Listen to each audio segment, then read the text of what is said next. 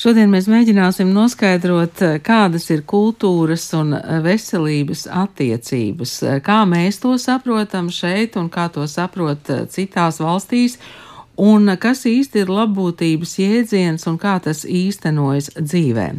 Un šodien eh, mēs studijā tiekamies ar Ziemeļdimensijas kultūras partnerības sekretariātu vadītāju Daci Raseli. Labdien! Labdien! Latvijas Nacionālā mākslas muzeja izglītības un pieejamības daļas vadītāju Elīnu Bērziņu. Labdien! Labdien! Un biedrības skaidrs un Eduarda Veidenbau muzeja Kalāči projekta vairāk gaismas vadītāja Ingu Surgonti. Labdien! Labdien! Tad šajā brīdī man šķiet, ka vairāki vārdi no jauna ir jāieraksta latviešu valodā, ir jāsaprot, ko tie nozīmē, vai mēs varam sākt ar šo labbūtības jēdzienu. Kas tas ir? Jā? Kas tas Saprast. ir? Jā, jo nu, mēs saprotam, kas ir labsajūta, bet kas ir labbūtība?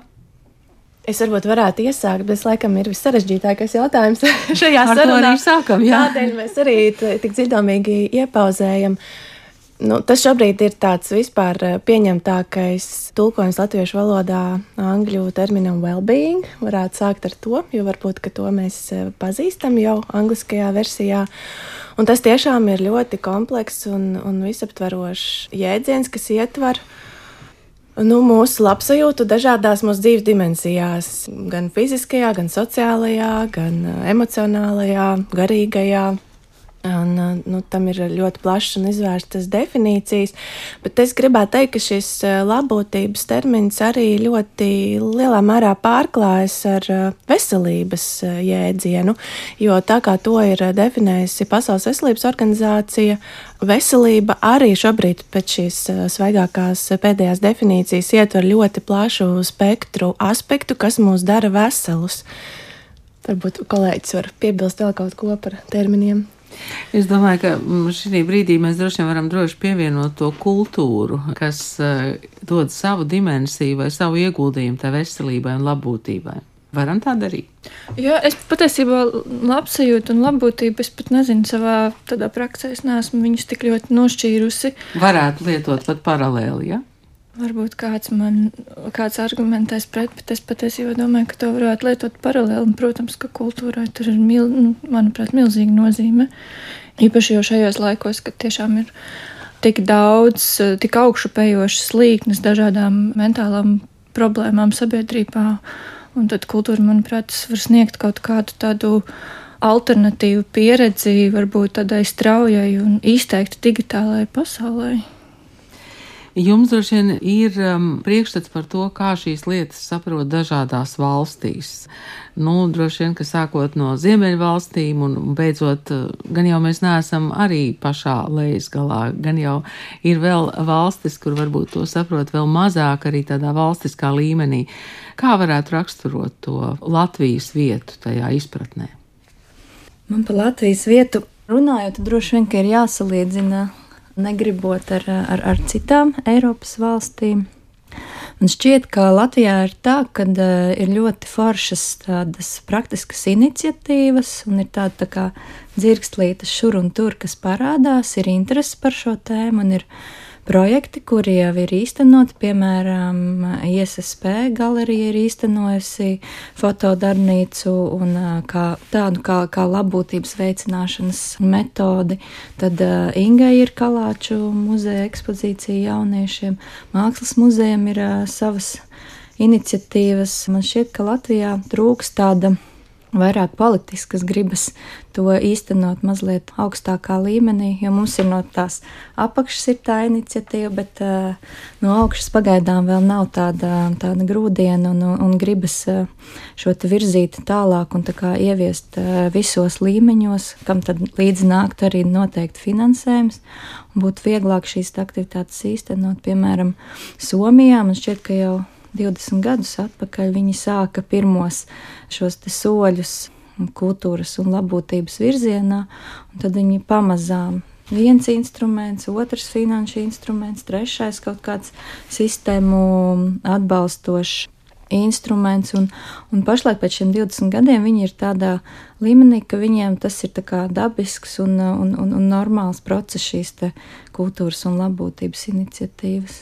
Tas būtu kā parakstīt recepti, kurā rakstīts, es nezinu, tev jāiet uz muzeju vai savādāk. Man liekas, ka Somijam viņiem ir tāds arī, ka Viņiem ir tas tāds sauklis kultūra visiem, un tad, piemēram, zem tās programmas viņiem ir uh, vairākas aktivitātes, uh, iniciatīvas gan no uh, vizuālās mākslas joma, teātra, cirka un, nu, jebkādām mākslinieckās izpausmes jomām, ko vien varam iedomāties. Un uh, šīs aktivitātes ir pieejamas visiem, tā kā cilvēkiem ar dažādiem mentālās veselības traucējumiem vai fiziskās veselības traucējumiem, un tu dabū tādu karti, ar kuru tu vari apmeklēt šīs aktivitātes. Un Inga varbūt var vairāk pastāstīt par to. Jā, mēs tagad varētu par šiem vairāk. praktiskajiem Jā. jau īstenotajiem projektiem gan Kalāčos, gan arī Latvijas Nacionālajā mākslas muzejā. Nu, Kalāčos es biju klāt, kad jūs um, jauno ekspozīciju veidojāt, un tur bija arī varas klausītājs, tur bija tāda dzējas darbnīca, jā, tad eh, tas ir tas, ko jūs veidojat kopā ar vietējiem jauniešiem? Par tiem modeļiem, kādā veidā valstis izvēlas stiprināt šo kultūras un veselības nozaru tuvošanos, viens ir tas jūsu pieminētais nosūtījuma princips, ka tiešām uh, Tad tā sauktās Arts and Prescription programmas, kas ir Lielbritānijā ļoti stabili ieviestas un arī vairākās Skandināvijas valstīs. Tas tiešām ir princips, ka eh, medicīnas vai sociālais darbinieks var patiešām nosūtīt uz vairāku nedēļu mākslas pieredzi savu klientu vai pacientu paredzot, ka tas eh, noderēs kādas terapijas ietveros. Bet varbūt arī cita veida programmas, kas vienkārši nodrošina pieejamību dažādām sabiedrības grupām, kā Dārts teica, neuzspiežot vai nenosakot kādu konkrētu apmeklējumu skaitu vai neprognozējot kādu veselības iznākumu no tā visa, bet uh, vienkārši rūpējoties par to, ka cilvēkiem dažādās uh, dzīves situācijās, tostarp saskaroties ar veselības izaicinājumiem, paliek saglabājas šī profesionālas kvalitātes mākslas pieejamība. Un tur, uh, manuprāt, nu, lieli celmlauži ir franči, kur balsta šīs savas šāda tipa atbalsta programmas savās pilsoņu tiesībās uz profesionālas mākslas pieejamību. Un tur nav intereses par to, vai kāda diagnoze ir, vai sociāla atstumtība. Cilvēku stāvoklis tādā veidā netiek vērtēts ne pirms, ne pēc šīm pieredzēm, bet tiek uztverts kā, kā bauslis, ka tev esot slimnīcā vai, vai, vai cietumā vai vienam pašam mājās, jebkādā dzīves situācijā, pienākas kvalitatīva laba māksla, jo tā ir daļa no tavas labbūtības, no tavām cilvēktiesībām. Jā, un tad eh, runājot eh, par kalāču projektu, mēs esam ļoti konkrētu virzienu izvēlējušies. Tātad, jā, mūsu galvenā mērķautori ir jaunieši. Tā ir arī eh, mērķa grupa, fokus grupa, ar kuru mēs kopā veidojam šo projektu. Un tad viena daļa no projekta ir ekspozīcija, kurā mēs jau uzsākam sarunu par Edvardu Veidembaum pašu psiholoģisko portretu, garīgo dzīvi, iekšējiem stāvokļiem un situācijām ļoti nemierīgām, kurās viņš dzīves laikā nonāca, un arī par attiecībām ģimenē. Un tādā veidā jau um, no mantojuma, kas varbūt līdz šim ir mazāk cilāts, izceļam tās tēmas, kuras uh, īstenībā jauniešiem ir tikpat svarīgas kā apgūt modernisma dzējas pirmsākumus latviešu literatūrā. Un uh, paralēli ekspozīcijai top uh, izglītības programmas, ko mēs veidojam kopā ar uh, psihoterapeitiem un drāmas ekspertiem, drāmas metožu palīdzību. Mēs jā, sniegsim jauniešiem iespēju apgūt tehnikas, metodes, lai palīdzētu sev un arī draugam sarežģītās psiholoģiskās situācijās, trauksmes, panikas lēkmes gadījumos. Uh, depresijas gadījumos vai, vai depresivitātes gadījumos. Un tās jau būs tāds ļoti, ļoti konkrēti mērķētas nodarbības, bet ekspozīcijā tā vienkārši ir tāda sarunas uzsākšana par šīm tēmām. Elīna, muzejām kāds tad ir tas praktiskais pieredzējums, ko jūs izdarījāt un, droši vien vēl darīsiet? Manuprāt, tas viss tā nopietnāk sākās 2020. gadā, kad mums bija tāda programma vai akcija Labsajūtas mēnesis muzejā, kuras ietvaros mēs nodrošinājām dažādu veidu nodarbības un norises ar mērķi parādīt to, kā muzejs tev var būt citāds. Kā viņš var sniegt kaut kādu citādu, neierastu pieredzi, piemēram, mākslas terapijas nodarbības vai kustību terapijas nodarbības. Un tā doma mums radās tāda, ka mēs katru gadu veidotu tādu vienu mēnesi, kur mēs izmēģinām kaut ko pilnīgi jaunu, jaunus formātus un skatāmies, kas tad norazonē, kas strādā, un to, kas ir strādājis vislabāk, cenšamies ieviest kā tādu pastāvīgu piedāvājumu. Diemžēl pandēmijas ietekmē mums nesanāca izveidot 2021. un 2022. gadā šādu piedāvājumu, bet uh, vienlaicīgi arī šī Covid-19 pandēmija, manuprāt, izgaismoja to, cik nozīmīga loma muzejiem ir šādos brīžos, kad varbūt uh, cilvēki ir iestrēguši kaut kādā ikdienā vai visu laiku ir vienās vietās un pieredz kaut kādas vienas sensācijas, un daudz kas ir slēgts, bet muzeji bija tie, kas, bija, kas aizvērās pēdējie un atvērās pirmie. Un kad īpaši aktualizējas tas, ka viss notiek digitālajā vidē un diezgan maz, kur ir iespējams aiziet. Un, tad mums bija diezgan apbēdinoši, ka mēs nevaram veidot piedāvājumus klātienē, darboties klātienē cilvēku. Mums likās, ka mums ir jādomā kaut kāda alternatīva, ko iedot tam individuālajam apmeklētājam, kad viņš atnāk uz muzeju, lai palīdzētu jā, apgūt to muzeju nedaudz citādi. Un tad mēs nolēmām, ka mēs veidosim labsajūtas maršrutu, tādu kā audio gidu. Tā kā mēs gribējām parādīt mākslu un muzeju no citas puses, tad, tas, tad ir 12 punkti.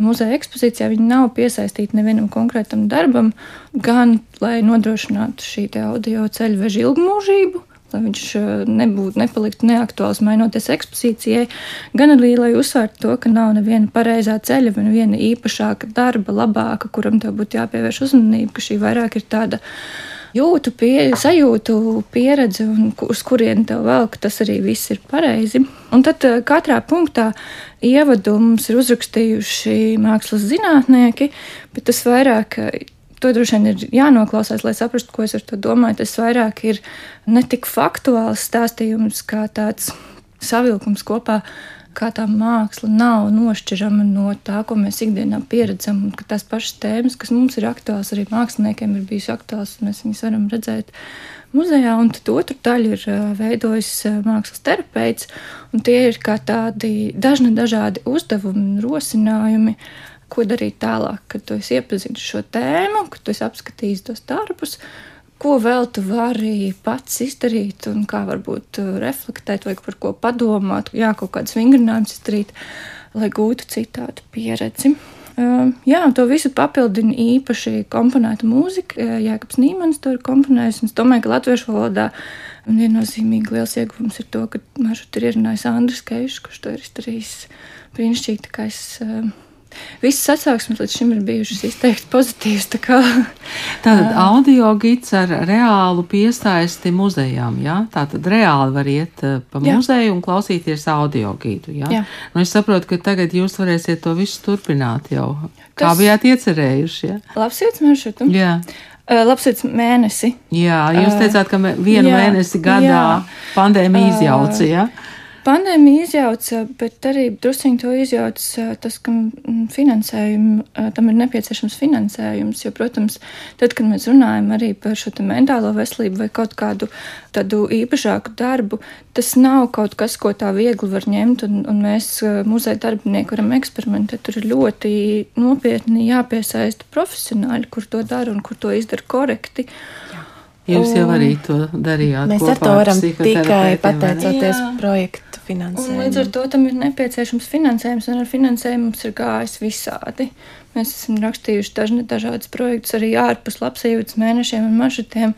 Un, uh, Tas, ko mēs esam izdarījuši, tas ir tikai tāpēc, ka ir piesaistīts finansējums. Ja mums izdosies piesaistīt finansējumu, es ceru, ka mums arī tālāk izdosies attīstīt kaut kādu šādu veidu piedāvājumu. Tas, tas, uz ko Dārts norādīja, šobrīd viss šīs iniciatīvas. Valsts, jā, bet, bet Dārts, kā jūs redzētu to ideālo modeli, kā tad varētu strādāt šī kultūra veselībai Latvijā?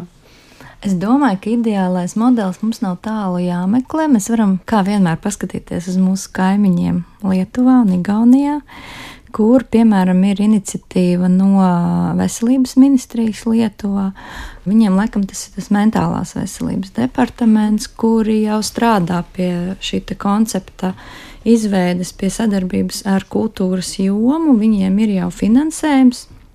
Šīm aktivitātēm viņiem ir jau stratēģija, kā darboties, un lūk, viss nāk no augšas, tā teikt, vai kaut kādu to finansējumu, politisko gribu, un man liekas, tad jau cilvēki viņi sausās un saprot, ka tas ir kaut kas tāds tīrs, īsts, noderīgs, kur tad viņi strādā, raksta projektus, pēta, piesaista speciālistus.